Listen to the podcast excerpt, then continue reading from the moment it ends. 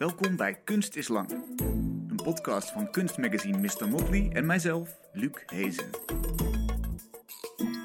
Dag, leuk dat je luistert. Vandaag praat ik met Inderjeet Sandhu. Hij vertaalt maatschappelijke thema's en ervaringen naar beelden die raakvlakken hebben met zowel kunst als design. Neem zijn werken uit de Resurrection, altaarstenen van klassiek zwart of rood geaderd marmer, ingelegd met een afbeelding van een stijve piemel, geklemd tussen vroom biddende handen. Of een omhoog geheven penis met een halo boven zijn kop. Ze verwijzen naar de manier waarop in verschillende religies en culturen met erotiek wordt omgegaan. Zichtbaar in religieuze symbolen in het Sikhisme, maar niet bespreekbaar in de maatschappij. Of juist onzichtbaar in christelijke kerken en meer bespreekbaar in de maatschappij. De beelden uit de reeks Curtains verwijzen naar het absolute en fictieve karakter van landsgrenzen die grote stromen immigranten tegenhouden. Op douchegordijnen zijn afbeeldingen geprint van deuren of ramen die op hun beurt weer toegang geven tot andere ruimtes en andere levens. Maar dit keer zijn ze plooibaar en zowel binnen als buiten toepasbaar. En in een recente reeks meubels, bijvoorbeeld marmeren tafels of krukjes, wordt het klassieke geaderde patroon doorbroken door stippen. Zijn dit onwelkome indringers in meubels die de uitstraling van zuiverheid en luxe doorbreken, of zijn het verrijkingen? Zo haalt Inderjeet met huiselijke objecten grote vraagstukken de huis- of badkamer in. Inderjeet, welkom. Leuk dat je er bent. Ja, dankjewel. Leuke intro. Dank je. ja. Om maar meteen met zo'n heel groot vraagstuk te beginnen, wat jij de huiskamer binnenhaalt. Wat betekent het idee van een thuis voor jou? Ja, dat is wel iets waar ik uh, constant over aan het nadenken ben. En ja, ik denk dat ik het nog niet helemaal weet. Ik vind het een heel moeilijk uh, iets, want voor mij was natuurlijk uh, in het verleden, toen ik jong was, was thuis, was zo'n soort van heel, ja, zo'n soort ding wat je in de media zag. Dus op tv en wat ik ook bij mijn vriendjes en vriendinnetjes thuis zag. In, vooral dan de, gespiegeld aan de Nederlandse cultuur. Dus een heel westers iets. En bij ons thuis was dat niet zo. Het was eigenlijk heel haaks wat ik dan zag. Dus ik... Omschrijf het milieu eens. Wat ben je opgegroeid? Uh, in Langendijk. een heel klein dorpje. En ons uitzicht was ook echt letterlijk op een koeienlandschap. en mijn ouders zijn, zijn immigranten. Uh, mijn vader die is dan geboren in uh, Afrika, maar wel Indiaas. En dan mijn moeder komt echt uit India, gearrangeerd huwelijk, in Engeland getrouwd. En dan naar Nederland gekomen. Ik weet niet waarom hij dat dorp had uitgekozen. Nee. Het heet ook de moerasakker, of all places. maar dat, dus het staat ook letterlijk in een soort moeras. Ja. En ja, dus dat was constant dat ik dan dacht van... oké, bij ons thuis is het gewoon heel anders. Het was wat vrijer en natuurlijk veel meer... Um, er zat niet echt een stijl. Mijn ouders zijn eigenlijk... wat eigenlijk heel leuk is, ze zijn heel Indiaas... En, maar ook heel pragmatisch. Wat dan ook weer eigenlijk ik heel erg associeer met de Nederlandse cultuur. Mm. Heb Dus- je daar een voorbeeld van? We schetsen eens een beeld waardoor wij snappen... oh ja, dit is het Indiaanse en dit is misschien de lossigheid van... Ja, nou ja, dat pragmatische was gewoon van dat dingen heel functioneel het huis werden binnengehaald. Dus esthetiek, speelde niet zo'n grote rol. Of een bepaalde homogene stijl. Dus dat er was zo van, oké, we richten dit in deze stijl in. Dat was er niet. Dus ik vind dat wel heel... Ja, dat vond ik dan een heel los en ook heel... Dat vind ik, associeer ik met pragmatisme eigenlijk. Mhm. Want het is heel erg zo van, nou, het is een lamp, leuk. We pleuren hem gewoon ergens neer. Hij doet het. En deal with it. Ja. En dan bij vriendjes thuis was het echt zo van die, ja, hele, van die hele gladde vloeren. Wij hadden een beetje verschillende tapijten hier en daar door het huis. Weet je, verschillende kleuren, omdat mijn moeder weer dacht van, nou ja, die tapijt gaat op de trap, omdat dat goedkoper is. En dan, dus dat soort dingen. Dus dat was niet altijd zo'n hele erge, ja, dat was niet een stijl. En ook qua opvoeding ook heel anders natuurlijk met het eten. Wij, er werd meer gekookt dan er altijd was. En dan bij mijn vriendjes thuis was het wat meer afgemeten. Dus eh, voor vier mensen. En als je een vriendje wilde uitnodigen, oké, een vijfde persoon komt erbij. Mhm. En bij ons thuis was het gewoon van, ja, als je wil eten hier, is iedereen welkom. Ehm, dus in dat opzicht ook. En ook eigenlijk qua opvoeding, mijn moeder vooral, eh, die liet ons vrij vrij. Mij vooral. Mijn moeder werkte thuis, wat eigenlijk heel erg, eh, wat ik heel mooi vond eigenlijk omdat ze had besloten om ook echt fulltime voor ons te zorgen.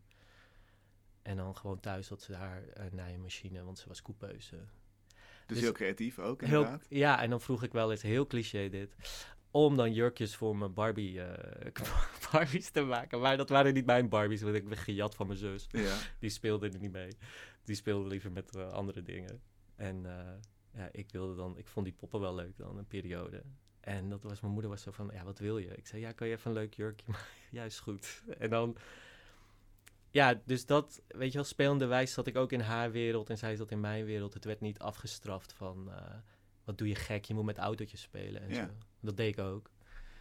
En, en dat zou je meer verwachten van een traditioneel Indiase opvoeding? Of? Nou ja, ik heb soms toch, eh, dat, ja, ik denk dat het nu wel minder is natuurlijk, maar misschien in mijn tijd, niet dat het heel lang geleden is hoor. Maar dan denk je toch van dat er toch wel van die gender roles op kinderen ook worden Ja. gezet, toch? Dat je dan zegt van, nou ja, ik speel met Barbies. Ik weet nog dat ik ooit eens een keer voor carnaval, ja, ging, al mijn klasgenootjes gingen als boer. Dus de jongens gingen als boer en de meiden gingen als boerinnen, zo'n Mhm. beetje dat. Ik ging als, ik ging als bloemenmeisje. dus ik vond dat heel grappig.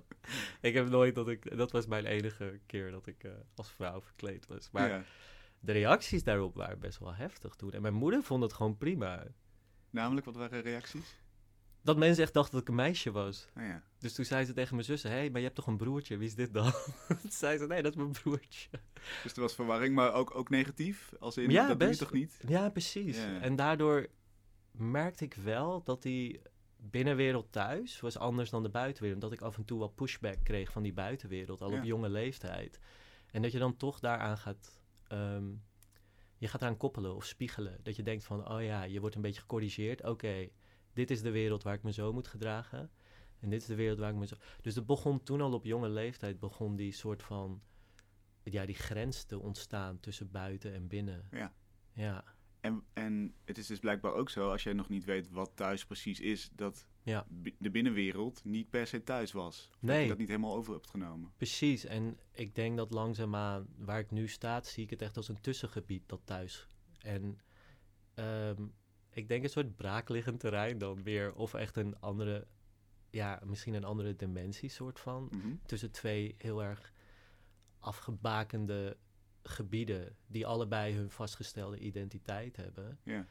En dit gebied is dan meer vrij interpreteerbaar. Een soort potential space als het ware, waar je dus aan het bouwen bent. Ik dus, met mijn objecten en collecties eigenlijk. En waar ik dus speel met al die verschillende eh, ja, ehm, regels, normen, waarden die van die gebieden zijn. Dat ik dan wel echt samenvoeg in dat gebied en dan echt letterlijk dus aan het bouwen ben. Ja, Dus- want ik kan me voorstellen dat het opgroeiende niet makkelijk is. Dat je een binnenwereld hebt die heel anders is dan de buitenwereld. Ja. Hè? Dat je je een rol moet aanmeten om naar buiten te stappen. Maar je zou ook kunnen zeggen, nu heeft het misschien voordelen, omdat je een hele nieuwe wereld creëert. Je bent je heel bewust van, er moet een nieuwe wereld komen ergens daartussenin. Ja. Werkt het zo? Ja, best wel. Want ik denk, ik was altijd toen ik jonger was, toen. Ja, was ik altijd, keek ik altijd zo naar mijn ouders. Kunnen jullie nou niet even normaal doen? En wat is dan normaal? ja, nou. Ik heb één voorbeeld ook. Ja, als ik het nu beschrijf, dan zouden mensen denken, nou, het is toch heel tof. Mijn vader, die had eh, onze auto, dat was zo'n oude Citroën. En dat was ook, eh, en die was echt de meest smerige kleur. Een vlezige kleur, een beetje beige, verrookt ding. Mhm. Had hij tweedehands gekocht. Maar ja, nu als je naar kijkt, is het gewoon een klassieke auto. Best wel tof ding. En het zit onwijs lekker, zo'n Citroën natuurlijk. Ja. Maar dan komt weer dat pragmatische van mijn moeder, die dus zegt van, nou, de bekleding moet niet vies worden. Dus ergens had zij dus een bekleding gekocht, waarschijnlijk in de uitverkoop, van tijgerprint. Dus wat een beige Citroën met een tijgerprint aan de binnenkant. En dat, en dat staat dan in zo'n, ja, op de moeraszakker. en, en de rest van de auto's waren allemaal zo van stations en allemaal glanzend. En onze auto was Grijs. mat. Ja. Kleurloos. Ja, en onze auto was gewoon een beetje... die zakte ook door, want dat doet Citroëns ook. Dus daar begon het al. En ook met de kleding, weet je wel. Dat, ja... eh, eigenlijk als je nu denkt, mijn ouders waren heel groen, want ja... is dan was dat ook weer meer pragmatisch. Dat, ja, je hoort je ook op een hele, hele jonge leeftijd hoor je ook niet met mode bezig te houden, vind ik. Eigenlijk. Mhm, mhm. Persoonlijk dan denk ik gewoon van het is gewoon, je mag gewoon zo slecht mogelijk. Of je moet gewoon lekker kunnen experimenteren, toch? Dat vind ik eigenlijk. En die ruimte was er. Maar dan steek je wel af tegen, die, tegen de rest van je school, kinderen. En eh, dus dat, en ook met eten. Dus dan dacht ik gewoon van, ja, kunnen we niet gewoon eten wat ik bij mijn vriendjes thuis krijg? Waarom moet het allemaal zo met geuren en kleuren? en waarom kunnen wij niet af en toe ook zo om zes uur of half zes aan de tafel zitten. En waarom kunnen er niet meer dat het allemaal lijkt zoals ik bij die andere mensen thuis zie. Ja, Dus het was heel erg, dat zat er al heel erg gewoon in dat ik die thuissituatie dus als abnormaal ging zien. Of dat ik zei, dus daardoor. En dat ik ook dan eigenlijk al die mooie eigenaardigheden die, nou eigenaar, gewoon, mijn ouders waren gewoon zichzelf. En Ja. Dat ik dat dus die, dan niet zag op die leeftijd. Dus dan zit je ook in een hele rare identiteitscrisis misschien ook een beetje. Op Mhm. een hele long- jonge leeftijd. Omdat je je gaat vormen aan een cultuur die niet eigenlijk jouw eigen is. ja. Wat ik overigens denk dat elk jong kind wel heeft. Ik bedoel, iedereen schaamt zich op een bepaalde manier voor Ja. zijn ouders. Ja, Wil anders zijn, ziet in de buitenwereld dingen. Maar dat zal hieruit vergroot zijn, omdat de verschillen waarschijnlijk zoveel groter zijn. ja. Is er een moment geweest waarop je dacht, nu begint het te kanten. Nu zie ik eigenlijk hoe mooi het is dat ik, eh, dat ik zo'n eigen opvoeding heb gehad. Dat mijn ouders zichzelf waren. ja. Of is dat er nog niet? ja, moment? nee, nu, nu totaal. Oh, ik denk ja, dat het ja. de laatste tien jaar wel zo is geweest dat ik echt dacht van... Ja, gewoon echt ontzettende respect. Ja, misschien zelfs wel langer hoor. Dat toen ik echt... Ja, uit mijn puberteit was. Ja, precies. dat ik dacht van... Ja, wat jullie hebben gedaan is gewoon heel bijzonder. Ook als vooral ook mijn moeder, mijn vader, die reisde al heel veel door Europa heen voordat hij mijn moeder eh, ging trouwen met haar. En mijn moeder is gewoon gelijk uit India naar, ehm, naar Engeland gekomen om met een man te trouwen die ze nooit had gezien. In een totaal ander land. Voor het eerst met vliegtuig. Dat is bizar, ja. Ja, en dat vond ik wel heel sterk als ik dat verhaal van haar hoor, hoe zij daar doorheen ging en hoe ze haar leven heeft opgebouwd en ja, ons heeft opgevoed en gewoon een ontzettend goede moeder was, weet je. Dus dan, ja, dan kijk ik echt daarna en denk ik van, dat je dat gewoon hebt geflikt, dat vind ik heel cool. Ja, natuurlijk. En altijd mij gesteund ook, mijn ouders. dus mijn moeder die keek ook wel naar mijn werk. En dan zat ze altijd van, ja, wat goed dat je dit doet. En ja, oké. Ze was niet altijd eens met het ding. Maar ze vond het altijd wel heel mooi. Ze was wel heel trots. Wa- waar was het niet over eens, bijvoorbeeld? Ik denk dat ze het wel moeilijk vond. En dat was natuurlijk waar zij mee is opgevoed. Dat ik richting kunst en design ging. Omdat dat natuurlijk een beroep was. Dat voor haar niet echt zekerheid gaf. Ja, En ehm, ja, in, onze, in de Indiase cultuur is dat ook een beetje een soort van nog een vrij nieuw iets. Want ja, de clichés zijn toch altijd de Indian doctor, accountant, ehm, whatever. In films zie je dat taxichauffeur. Maar toch het ideaal be- beeld is toch vaker nu... vroeger van, van mijn ouders kant was het toch van... Nou ja, we willen gewoon dat je heel gesetteld leven tegemoet gaat ja, zekerheid. je zekerheid en dat zit meer in dit soort. Dus ik had wel daarvoor moeten vechten. Ehm, en dus daar was ze niet altijd heel blij mee. Maar toen later, toen eh, in Londen, toen ik was afgestudeerd aan de kunstacademie daar. Toen was ze daar en toen was ze ook heel trots. En toen was ze ook degene die, eh, ja, met iedereen kletste en zei hoe trots ze was. Dus dat, weet je, dus daar ben ik heel blij. Dat, dat, eh, Ja. en sinds die tijd is ze gewoon, was ze altijd mijn biggest cheerleader eigenlijk. Dus. Heb jij het idee dat zij in haar creatieve werk ook... dat ze daar iets aan heeft gehad in, in het settelen in zo'n totaal vreemde omgeving, situatie? Is dat, biedt dat houvast, die creativiteit bij haar? Ik denk het wel. Ik denk mijn moeder, eh, het denk wat zij, ze zag geen limieten. Dus, eh, en op een zekere manier had ze ook geen angsten daarin. Dus, dus zij pakte gewoon dingen op. Dus als zij, als zij iets zag van, oké, er zit een mogelijkheid hier om ehm, ja, het leven iets beter te maken, dan pak ik dat, dan ga ik gewoon werken. Dus zij deed ook echt veel, ze had ook veel baantjes. Dan werkte ze ergens bij een fabriek en dan ging ze s'avonds weer gewoon tot twee uur 's ochtends, drie uur 's ochtends werken aan de nijmachine. En dan s ochtends ging ze dan ons opvoeden en zorgen. En mijn vader werkte ook fulltime. Ehm, dus dat. En ik denk, eh, haar houvast was dat ze altijd bezig was. Mm. Dus ik denk dat ze had, altijd was zij gewoon bezig. Dan was ze weer. Dus ik denk dat zij daardoor kwam zij over als iemand voor mij die gewoon overal potentie in zag. En ik denk dat dat dus ook een soort van onbevangenheid en gewoon ergens instappen, gewoon doen. En niet te veel bezighouden met wat andere mensen dan zeggen of wat de vastgestelde regels zijn. Dus eigenlijk was ze ook een soort van rule breaker in dat, want ze deed het op haar manier. Ja, En die was gewoon goed. en dat heeft ze jou ook voorgedaan dan. Ja, Want ik neem aan dat je iets van die lef ook wel zelf toepast. Ja, ja, langzaamaan komt dat steeds naar voren.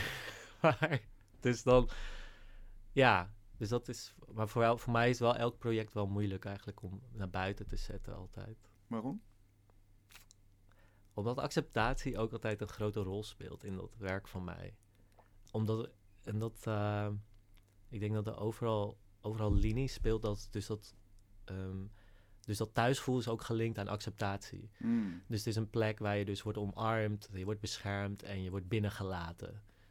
Um, dus als mijn objecten in die zin niet zo erg goed worden geaccepteerd of zo, dan denk ik, oh, er zit hier niet een element van acceptatie. Um, dit is verkeerd dan, misschien dat stem. Maar ja, dat is natuurlijk. Ik voldoen niet aan de norm. Precies, ja. Eigenlijk, die, ja. eigenlijk ben je nog steeds bezig met, met die norm van de buitenwereld. Een beetje wel, maar ik probeer hem ook te ontkrachten met de Mhm. projecten die ik doe natuurlijk. Die zijn niet altijd heel... Er zit ook een bepaalde oppervlakkigheid in, in mijn werk natuurlijk. Dat, dat, want dat is eh, vrij stripped down. De fotografie is vrij clean. Er zit niet echt heel erg veel ruis in. En ik probeer het ook allemaal een beetje altijd op dezelfde stijl door te trekken. Mhm. En daarmee probeer ik een beetje die acceptatie te vergroten. En dan ook hoe ik het dan neerzet, heel esthetische objecten in mijn opinie. Ja, zeker. Ehm, Je werkt veel met marmer, wat natuurlijk per definitie een, een hoog gewaardeerd materiaal is, luxe uitstraalt, Dus- Ja. ja, en ook met die voorgaande projecten, dan met die curtains en ook met eh, dat porseleinen, dat probeer ik dan zo super clean te doen. Maar dan, als je dan wat verder kijkt, dan zie je wel die meer die politieke, maatschappelijke en sociale kwesties die er, erin verborgen zitten. Ja, zeker. En ook met dat, ja, zoals je zegt, met dat marmer, dat was ook de eerste ding waar ik de afgelopen jaren nu dat probeer te ontwikkelen, is, het is voor mij ook net een landschap, maar ook hoe, marmer heeft een heel mooi uitstraling en alles, maar als je kijkt hoe het wordt gewonnen, het wordt natuurlijk in die mijnen, het laat wonden achter, ook in de wereld eigenlijk. Het, als een materiaal is het ook ontheemd eigenlijk, want het wordt onttrokken uit de aarde. En zo'n mijn wordt maar wordt een steeds grotere wond en put eigenlijk. ja. En eh, eh, dat, dat linkt wel heel erg hoe ik me dan af en toe voel. En ik gebruik dan vooral marmer dat al in zo'n bedrijf ligt. Mhm. Dus het is, ehm, ze hebben dan zo'n blok ingekocht, dit blijft er over. Dus dan zit ik ook wel eens soms gebonden aan de kleuren en de stijl. Dus het is, in dat opzicht wil ik niet zo graag dat er nieuwe wonden voor mijn werk worden Juist. gemaakt. Ja, je wil niet de opdrachtgever zijn waardoor er plakken uitgesneden worden. nee, liever niet. Ja, Nee. dus met restmateriaal werk je dan inderdaad? ja. Dus als jij die tafels maakt van marmer, eh, van schitterend marmer, waar dan die stippen op zitten, Mhm. eh, dan, dan vraag je eigenlijk af, worden die omarmd, die stippen, of zijn dat hinderlijke onderbrekingen van dat prachtige marmer? Ja. En daar zit eigenlijk jouw leven in dan, in Ja. zo'n tafel. ja, Is dit mooi genoeg? Is dit goed genoeg? ja, ja, totaal. Het is zo van als puristen en eh, nou ja, dan linkte ik terug naar het nativisme eigenlijk. Zo van ja, dat natuurlijk ook heel erg nu speelt natuurlijk. Van waarom zijn deze hier in dit landschap? Waarom vestigen ze zich hier? Eh, wat brengen ze mee? En ook die patronen, strepen en stippen zijn natuurlijk ontzettend nu patronen die in ons dagelijks leven niet weg te denken zijn. We zien ze als speels, leuk, het Juist. ziet er mooi uit.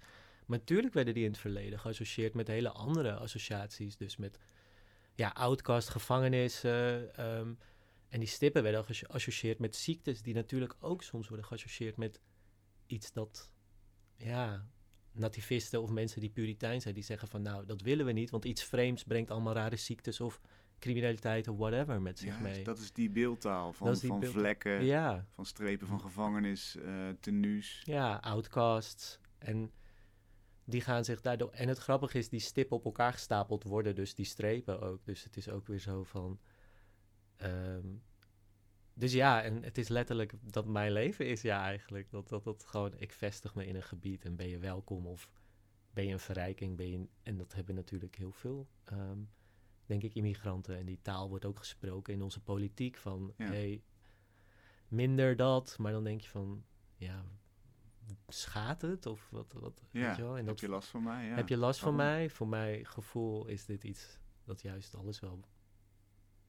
Ja, in dit op project vond ik, het maakt het allemaal beter, weet je. Ja, Het ziet er gewoon mooi uit. En het, ja, en het zijn ook verschillende eh, marmer van verschillende landen. Dat is ook wel weer grappig natuurlijk. Eentje komt uit Turkije en dan komt er weer eentje uit India. En dat, dus het zijn gewoon ook, weet je, dat, dat kan met marmer, omdat het van overal over de wereld wordt gewonnen ook. Dus ja. Ja, dat is ook nog eens. Er is natuurlijk niet zoiets als een, een zuiver land. Of, of hè, met, met waarvan je kunt zeggen: deze mensen horen daar en dat zijn de enige. En er zijn geen buitenlandse invloeden. Precies. Dat is er natuurlijk niet. Dat is Nee. fictie. Ja, totaal. Ja, hangt dan jouw eh, zelfwaarde ook deels af van het verkoop van zo'n, van zo'n tafeltje? Is dan, is de, geeft dat, zeg maar, in welke mate eh, beïnvloedt dat jouw zelfwaarde? Als dat verkocht zou worden? Ja, ja dat is. eh, ik denk dat het wel een deel dat vergroot, omdat ik dan weet, omdat ik dan mijn moeder in mijn achtergrond hoor zeggen: Oh ja, goed, het is verkocht. je, je verdient je geld mee, het gaat goed. Oké, doe je Je ding. hebt het jaarsalaris van een advocaat verdiend. Goed, ja. We hoeven niet, eh, hoeven niet eh, je komt niet aankloppen voor eten of whatever. Nou, al- je bent altijd welkom natuurlijk. Maar ja, dus ja, ik denk het wel. Maar dat is ook natuurlijk dat oppervlakkig, ja, oppervlakkige spel, dat wil ik niet zozeer zeggen, maar dat, Dat is heel wezenlijk natuurlijk. ja, Het en- gaat over jezelf, Precies, ja. En dus dan hoop je...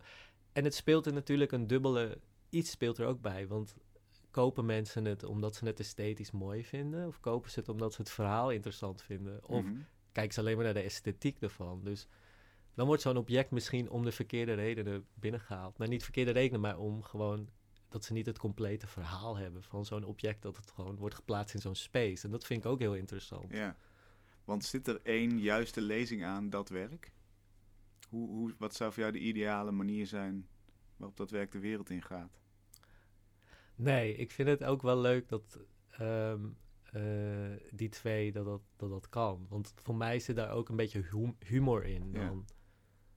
Want wat voor mij eigenlijk het grappigste zou zijn, is eigenlijk iemand die... ehm, ja, dit is eigenlijk heel erg. Maar iemand die totaal tegen integratie is of whatever. En die heeft dan zo'n object in zijn huis staan. Alleen maar omdat hij het mooi vindt. Mm, En dan heb je een soort Trojan horse in je huis. zeker, ja. dus Dus, dus we zoeken een, eh, een, een PVV-stemmer of zo. Of een. Forum voor Democratie-stemmer. Ja, en als ik daar een foto van kan krijgen, lijkt het me heel grappig dan daarin. Dus dat is een beetje dat kattenkwaadachtige. Ja, Ik, en waar ik dus ook altijd naar een beetje teruglink, denk ik. Want natuurlijk gaat heel veel van mijn werk ook terug naar mijn jeugd. ja. Ja, Een ander project wat en kattenkwaad heeft en, en teruggaat naar jouw jeugd is de Resurrection. Waarin je dus de marmeren piemels vermengt met religieuze beeldtaal. ja. altaarachtige platen marmer met biddende handen en een stijve penis daartussen. Gebaseerd eigenlijk op jouw observatie dat erotische symbolen wel voorkomen in bijvoorbeeld de religie van je ouders, maar dat een gesprek over erotiek minder makkelijk is, cultureel gezien. En precies andersom in, in het christendom. ja. Wanneer viel je dat op? Ja, ik was dus, ik was dus in Venetië en ik hou heel erg van kerken. De, weer terug naar mijn jeugd. Ik eh, moest naar een christelijke school van mijn moeder. Oké. Dus Om te integreren? Of hoe, hoe, Nou, eh, omdat wat ik was een beetje stout als kind. Dus ze zei van, nou, laat deze school jou maar even gewoon... eh, christelijke leer is denk ik wel goed voor je. Iets van religie. We vinden geen school die onze religie uitbuit. dus ga hier maar naartoe. Klinkt goed. Ah, oké. Ik was niet zo heel erg, maar het was gewoon dat ze zei van... ik wil gewoon dat je goed je best doet en Ja. alles. Om, om, een- om die advocaat te worden Ja, natuurlijk. precies. Moet Of, je een beetje in het, in het gereel lopen. Precies. Nou ja. En eh, dus daar begon het. En die obsessie daarmee, want ja, ik, ik hoorde altijd van die... Het was best wel zwaar, die school. Want ik hoorde altijd van die jammerverhalen over ja, Jezus. En eh, dan moest je ook eens 's ochtends moet je bidden. Nou, ik deed dat altijd met mijn ogen open. Omdat ik dacht, ja, ik kan me hier niet helemaal aan geven. Omdat het thuis zo anders is. Ja. Dus ik doe het, oké, ik doe het een beetje half. En eh, nou ja, dus daardoor heb ik denk ik altijd die, ja, dat ik altijd kerken altijd heel interessant vind, waar toch dat bijbelse en allemaal terugkomt. Omdat ik dan natuurlijk in mijn jeugd heel veel heb gezien en gehad. Dus toen was ik in Venetië en toen was ik in al die oude kerken. En ik vond het gewoon heel mooi en het gaf ook heel veel rust. En toen opeens dacht ik, dan kijk ik rond en dan zie ik al die tafereelen. En opeens dacht ik gewoon van, hè, maar het zou zo grappig zijn om hier allemaal piemels eigenlijk te zien. Waarom niet? Ja. En waarom is dat niet wel, wel- welkom? En dus zo begon dat verhaal. Ik had het gewoon ergens opgeschreven en naar mezelf gemaild. Want dat doe ik altijd. Dan, mijn mail staat vol met van die notities. En toen kwam ik weer thuis. En toen had ik dat een beetje weggeschoven. En toen was ik gewoon weer aan het werk. En, en toen werkte ik ook met... ehm, eh, mijn marmerman, dat is echt een West-Fries. En toen hadden we het over dingen en toen zei ik van, oh, is een nieuw project dat ik misschien wil doen, maar ik weet het niet zeker. Ik eh, vind het een beetje eng om het aan je te laten zien. Zo'n boom van een kerel. En die zei, wat? En ik zei zo, ik stuur wel een tekening. En toen zei hij van, ja, maar dit is toch geweldig. Hij zei, dit moet je doen. En hij zei zo, in al de 40 jaar dat we dit bedrijf hebben, hebben we nog nooit zoiets gezien. So let's do it, weet je wel. Wat, en toen ging het zo. En de Ja. tekening was van? Gewoon van een grote piemel.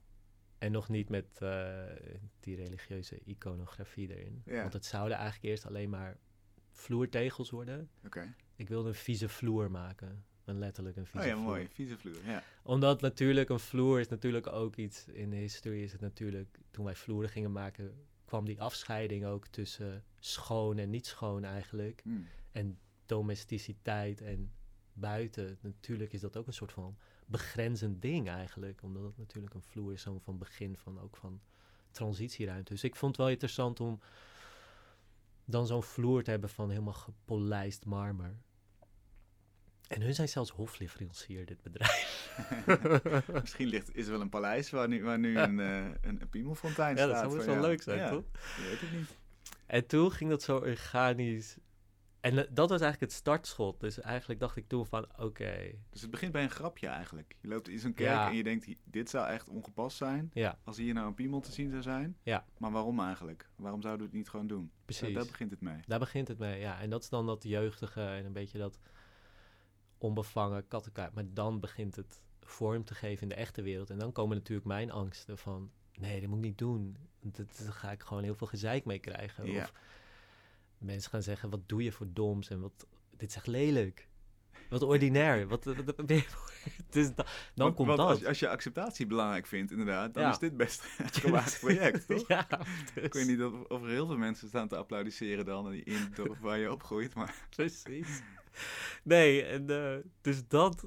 Dus ergens zit ook natuurlijk die drang om daar heel erg tegen te vechten. ja. Dus die innerlijke strijd heb ik dus ook ontzettend. Want... En met dat werk was het... Ik denk, als ik eerlijk ben, als ik het had kunnen stopzetten, had ik het misschien zelfs gedaan. Waarom? Op welk moment dacht je, dit gaat te ver? Omdat het te dichtbij kwam. Die objecten werden heel groot. Ik was opeens een fontein aan het maken. Een pissende fontein. Ja. Toen dacht ik, wa- wat ben ik aan het doen? Twee soort van gekomde piemels die, waar, waar water uit spuit. Ja. Ja. En toen dacht ik, oh nee, dit moet ik echt niet doen. Weet je? En toen, maar dat is natuurlijk die, dat, die saboteur eigenlijk ook. Dat ik gewoon denk van, die wilde klein blijven of zo. Ja. En eh, ja, nee. En dan, eh, dus het bedrijf waar ik mee samenwerkte, die deel van de bewerking ook deden, eh, die noemde mij ook op een bepaald punt, hey, je bent die jongen van die piemel, zei ik zo, ja, ja, ja, oké. Oké, Dus, maar ja, het werd gewoon doorgestouwd. Het werd Mhm. gewoon doorgeduwd, omdat die platen die werden bewerkt. Ja. De opdracht was gegeven, je kon niks meer doen. Ik kon niks meer doen. ik kon thuis. Kon, dus ik kon het ook niet meer editen. En ik denk dat dat ook heel goed was. Omdat het gewoon gaf me heel veel vrijheid van bam, ja, dit is het. Ja. En je zei, ik kwam thuis. Wat vond je moeder hiervan of je vader? Ja, dat is nog een ding. Mijn moeder, er staat een tafel van de Resurrection in mijn huis. En elke keer als mijn moeder kwam, zet ik er een vaas op. Omschrijf hem eens, wat zien we daarop? ja, het is die gecurvede piemel. Het is een heel discreet klein tafeltje. Ja. En een keer stond die tafel er niet, die vaas er niet op. En toen was het thuis. Zei ze, oh, mooie tafel. Toen zei ik, ja. Zei ze, ja. Ik zei, oké. Goed. oh, mooi. Tussen de regels door gaf ze de goedkeuring Ja, aan. Ja. ja. Want ze zal ook wel eh, bij tentoonstellingen zijn, toch? Of, of nodig je je ouders daar niet uit? Eh, jawel, maar voor de Resurrection is ze niet geweest, jammer Ja. genoeg. Dus dat, eh, en eh, mijn vader, die interesseert het niet zo. Dus ik laat hem heel veel plaatjes zien en die zit altijd zo goed zo, jongen. Ja, helemaal leuk. als je gewoon maar, eh, als je zolang we geen last van je hebben, dan vind ik het allemaal prima. Oké, dat Dus, is een heel eh, ruim kader. Zoals ja. we je niet financieel te onderhouden, dan vinden we het helemaal goed. Ja. Dus zo is hij. Nou, hebben die beelden inderdaad in de westelijke kerken helemaal geen aanwezigheid? Nee. Er is zelfs een, ergens in de middeleeuwen een, een bepaling geweest... waar alle geslachtsdelen worden met vijgenbladen bedekt, hè? Piemelpolitie van het Vaticaan. Piemelpolitie, Ja. precies. Weet je wanneer het was, precies? Oh, ik ben die, oh, ik ben echt die datum even kwijt. 16e eeuw, Ja, zoiets, ja. Ja, ja. De kerkverordening, Ja. weg met alle, eh alle naakt. Ja, omdat het paganisme heel erg opkwam. was ook een soort van middel om controle uit te oefenen door het Vaticaan. Hmm. Omdat er andere geloofsstromen opkwamen die ook aan populariteit aan het winnen waren. Dus ook gewoon iets dat niet echt gericht is aan een één god. Dus om dat in de kiem te smoren werd dus al die naaktheid ook eh, ja, weggehaald. Op een best wel agressieve manier. Ja, Het schijnt ook dat er een laadje ergens is in het Vaticaan vol met piemels. die er allemaal afgehakt zijn. Schijnt. of- ja, Dat kan ook een urban legend zijn. Ja, Maar ik vond het wel een leuk idee. ja. en dan staat tegenover dat er maatschappelijk gezien, zou je kunnen zeggen, in heel veel christelijke landen best wel een gesprek te voeren is over erotiek. Ja. Maar jij ziet die omkering dan weer in het sikhisme waar wel die erotische symbolen zijn. Kun je dat eens schetsen? Ja, vooral in kerken. Nou ja, tempels in natuurlijk, eh, in, in delen van India, waar je gewoon corpulerende mensen ziet. Ja. Weet je wel? En De Kama Sutra? Kama Sutra, ja, heel cliché, maar wel, Ja. dat is het. Ja, Ja. en dat is eigenlijk gewoon gericht aan dat het niks zondigs is. Mhm. Maar ja, in die cultuur wordt er niet, niet over gepraat. Wel, zelfs een zoenende mensen op tv is bijna een taboe, weet je. Dus ehm, bij ons thuis ook. Als er zoenende mensen op de Nederlandse tv kwamen, werden weggezept of... eh, oeps. dus dat, dus dat, dat, zo groeide ik op. Terwijl Maar- als je naar een tempel gaat en je ziet het, het heiligste der heiligen, dan is het allemaal prima. Ja. Maar ja, dat is natuurlijk ook een beetje in de kiem gesmoord door, dat, eh, door het kolonialisme, dat het gekoloniseerd is, Hmm. weet je wel. Dus er kwamen andere invloeden die dus dat als zondig, beg- het naakte lichaam en zo'n uiting van seks naar zeiden van dit kan niet.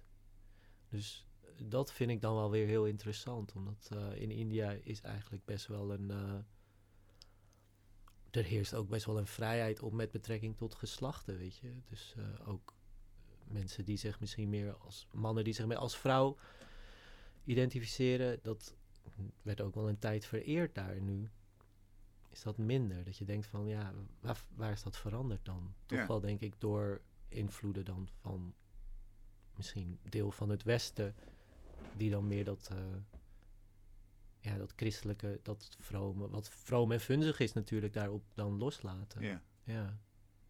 Bijzondere omkering eigenlijk, om zo te, te merken. Ja. En dan zit je daar eigenlijk een derde ja, richting tegenover. Je, je, je, weer dat braakliggende terrein tussen die twee werelden. Je zegt gewoon, nou, we gaan het eh, als een soort eh, te vereren marmeren plaat neerzetten. En we, we geven rituele symbolen aan. Mhm. Eh, hier is een derde optie. Ja. Toch? Zo Ja. kan het ook. Ja, het is een soort van, ja, en, en daar zit dan ook een soort vrijheid in. Van wat, want die symbolen worden naast elkaar eigenlijk ontzettend ontkracht. Waardoor die lading verdwijnt. Waardoor er dus invulling is voor om jezelf daar iets in te vinden, denk ik. En is het religie, is het verering of is het dat je denkt van, oh, dit heeft op een andere manier invloed voor mij om een soort van vrijheid te pakken dat dit mag. Ja. Het speelt Ehm, op heel veel verschillende lagen, denk ik. ja, ja. überhaupt dat, Ja. dat, dat je dit neer mag zetten, inderdaad. Ja. En, en heb je er echt gezeik mee gehad? Zijn, er, zijn er eh, fanatici geweest die zeggen van... eh, Nee. Nee. Mensen die het als ordinair bespiegelen. Eén vrouw die zei eh, toen een keer tegen mij... eh, wel, veel wel veel piemels, hè? Ik zei zo, ja, maar de kerk staat toch ook vol met kruisen? zei ze, ja, dat is waar. ja, mooi. En ja, ik, en heel veel vrouwen, dat ik ook dat ik dacht van, waar ik ook wel verbaasd over was, die, die vonden het heel sterk werk. Want die linken het dan ook van naar een deel naar van, zeggen ze van, het vrouwelijk lichaam wordt altijd geobjectificeerd. Mhm. En jij doet dat nu met deze piemels en gewoon out there. En dat vind ik dan, vind ik dan best wel sterk, zeggen ze dan. En denk ze, het is tenminste een andere manier, een andere, ja, ander verhaal daarin. Ja. Andere, dus ja, En het is ook mooi gedaan. ja, het is heel mooi gedaan. Het is ook, om- omdat het in dat marmer is, Ja. krijgt het ook eh, de, de aura van eh, ja, sereen, van, van, van heiligheid. Ja, maar wel cartoonesk eigenlijk. Het is niet, zijn niet hele klassieke beelden als je Nee, kijkt. nee. Ze hebben ook iets eh, heel cartoonachtigs. Ja, dat is waar. En de elementen, eh, nou, zwakken elkaar af, zou je kunnen zeggen. Dus die vroom biddende handjes met die piemel ertussen, daardoor denk je, ja, zo vroom is het niet. En, en, en dat is ook niet erg. En tegelijkertijd relativeert het alle religieuze symboliek die er buiten staat. Ja, Ook, waarom is dat dan wel heilig en, en zou dit niet kunnen? ja, totaal. Ja, Ja, het is goed werk. dankjewel. Is het al helemaal eh, verkocht? Nee. Vindt het een huis ergens?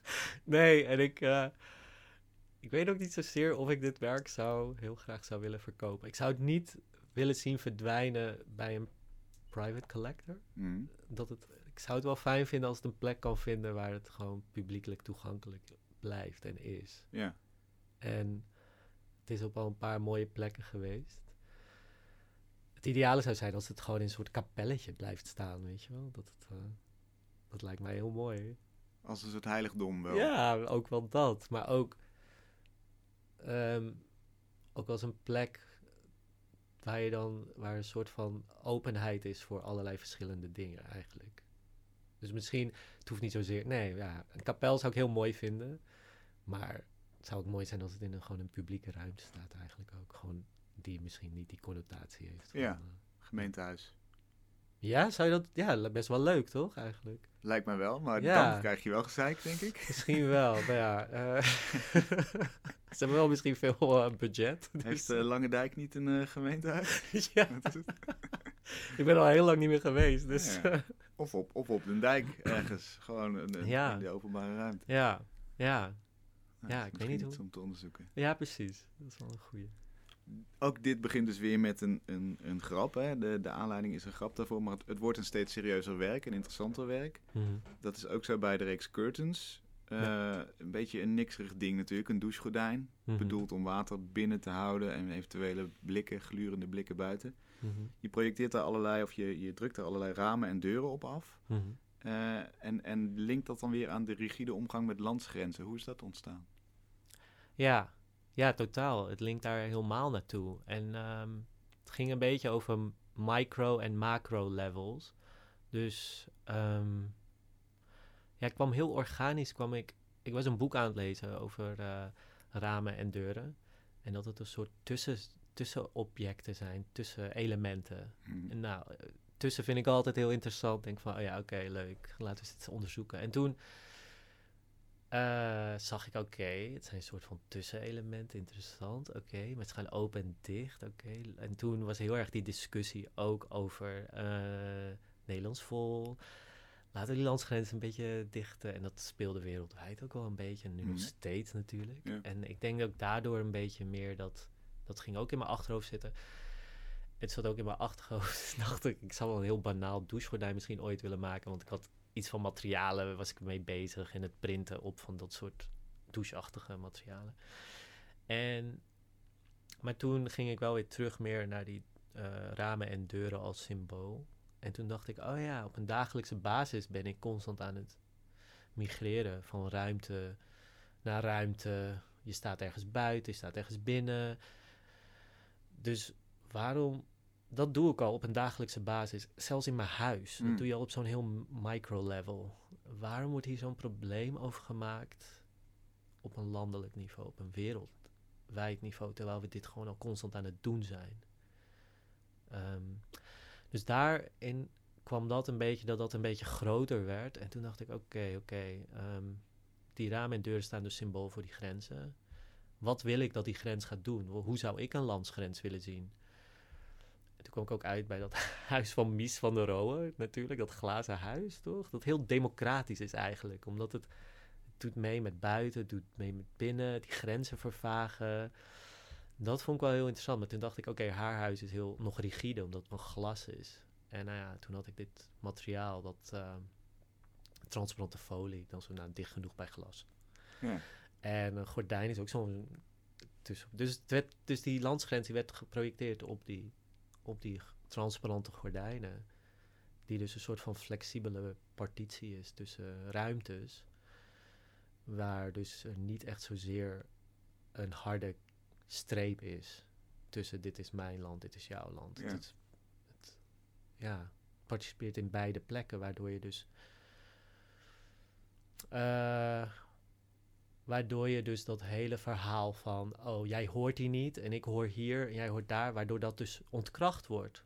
Omdat dat gordijn ook een beetje eh, misschien wappert en... en En open te schuiven is en, en in te duwen. En, Precies. eh, het houdt heel weinig tegen eigenlijk. Ja, dus het is die hele obsessie met die rigide landsgrenzen te bevragen eigenlijk. En om ook te kijken van, waarom moet het zo rigide zijn? En Ja. Dus zodoende. Ja. En dat dan allemaal in zo'n object gevat. Dus Ja. inderdaad heel, een interessante bespiegeling daarover. Denk jij dan ook over een oplossing na? Gaat het zover dat je, Dat je bij wijze van spreken een politieke oplossing daarbij hebt in zo'n project? Nee, ik denk dat het daar dan wel stopt. Ja, wat ook kan ook. Ik bedoel, dat hoeft helemaal niet... eh, Ja, ik denk. ehm, de oplossing is meer. Ik denk dat ik het gewoon laat zien hoe ik daarover denk. En dat is mijn manier dan om dat eh, vorm te geven en dan aan de wereld te laten zien. En hopelijk dat daar ook discussies over ontstaan meer. En ehm, dat daar dan over meer ook wordt over nagedacht. Dat ik in, omdat ik dat, die dingen daar zo mee deel mm, een oplossing zozeer. Nou, het zit de oplossing ook niet dat ik denk van dat die landsgrenzen misschien ook wat flexibeler moeten zijn. Dat we daar gewoon niet zo panisch over moeten doen. Ja. Dat dan, omdat wij denk ik dat heel erg zo rigide zitten op dit is mijn plek en dit hoort hier thuis en dit is hoe dat eruit moet zien. Ja, ik weet niet hoe ik, dat vind ik gewoon niet nee. van deze tijd ook meer. En is dat dan, je zou kunnen zeggen, de manier waarop ik leef laat ook zien dat het niet hoeft. Dat je niet in een van de hokjes hoeft te passen. Dat er een tussengebied is waar je in kunt leven en, en kunt, Ja. kunt bestaan. Ja, en dat dat oké is. Ja. En dat daar niet. Ehm, dat je daarvoor niet uitgesloten of. eh, dat je daardoor gevaar loopt of zo zelfs. Mhm. Omdat je dat soort dingen misschien verkondigt of zegt: ik wil zo leven. Ja. Heb je het gevoel dat je dat nog steeds moet bevechten? Die tussenruimte? Of ben je, denk je ondertussen wel van, nou die is er en die ga ik zelf inrichten? Ehm, deels moet ik het nog wel bevechten, omdat er ook vanuit de kunstwereld wordt er natuurlijk ook soms gekeken van, oh ja, maakt echt. Er is wel eens tegen mij gezegd van, jouw werk is heel clean, het is mooi, het is esthetisch, je bent een product designer. Zeg ik, oké, nou nee.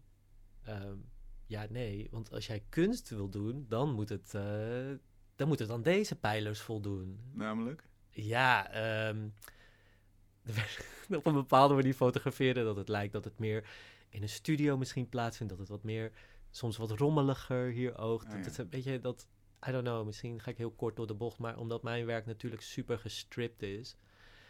En gewoon bijna een soort van, ja, producten tentoonstel. Zo in die manier. Het is niet messy. Nee.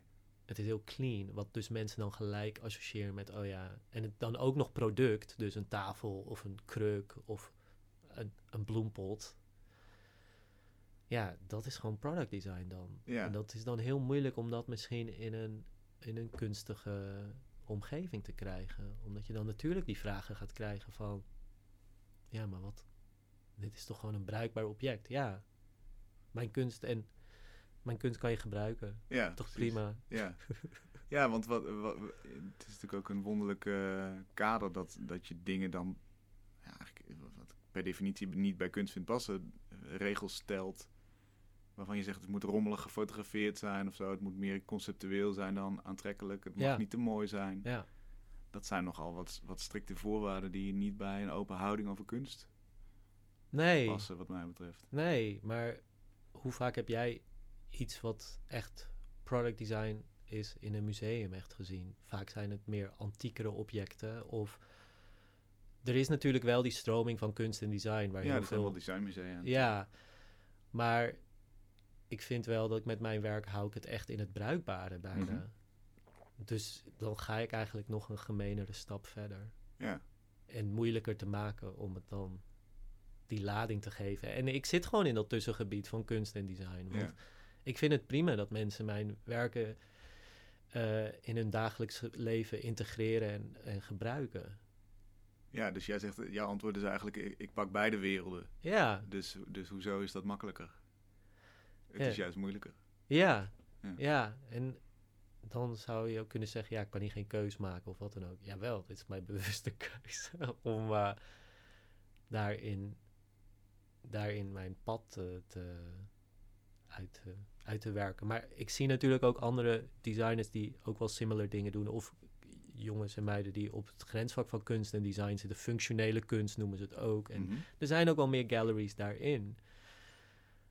Maar ik merk voor mezelf dat ik het juist wel interessant vind om in meer van die rigide plekken dan terecht te komen. Dus Ja. dan wel musea's en dat soort plekken. Om dan toch ook daar de acceptatie te vinden, Ja, eigenlijk. ja, Ja. Dat, omdat dat een challenge is. Ja, dat, en dat heb ik dan van mijn moeder. Precies, daar, daar ben jij eh, voor gemaakt, voor die challenge. ik denk het wel, maar ik weet niet of het gaat lukken. nou, misschien hier en daar. Ik wens je veel succes. In ieder geval hebben we er een, goed gesprek over gevoerd, waardoor het... Uh, nou ja, in ieder geval een stukje acceptatie heeft gekregen wat mij betreft en verdient. Ja, dankjewel. Dankjewel, leuk dat je er was. Ja, dank je. Tot zover Kunst is Lang van deze week. Wij worden mede mogelijk gemaakt door het Prins Bernhard Cultuurfonds, het BNG Cultuurfonds en het KF Heinefonds. Veel dank daarvoor. We zijn er volgende week weer. Tot dan.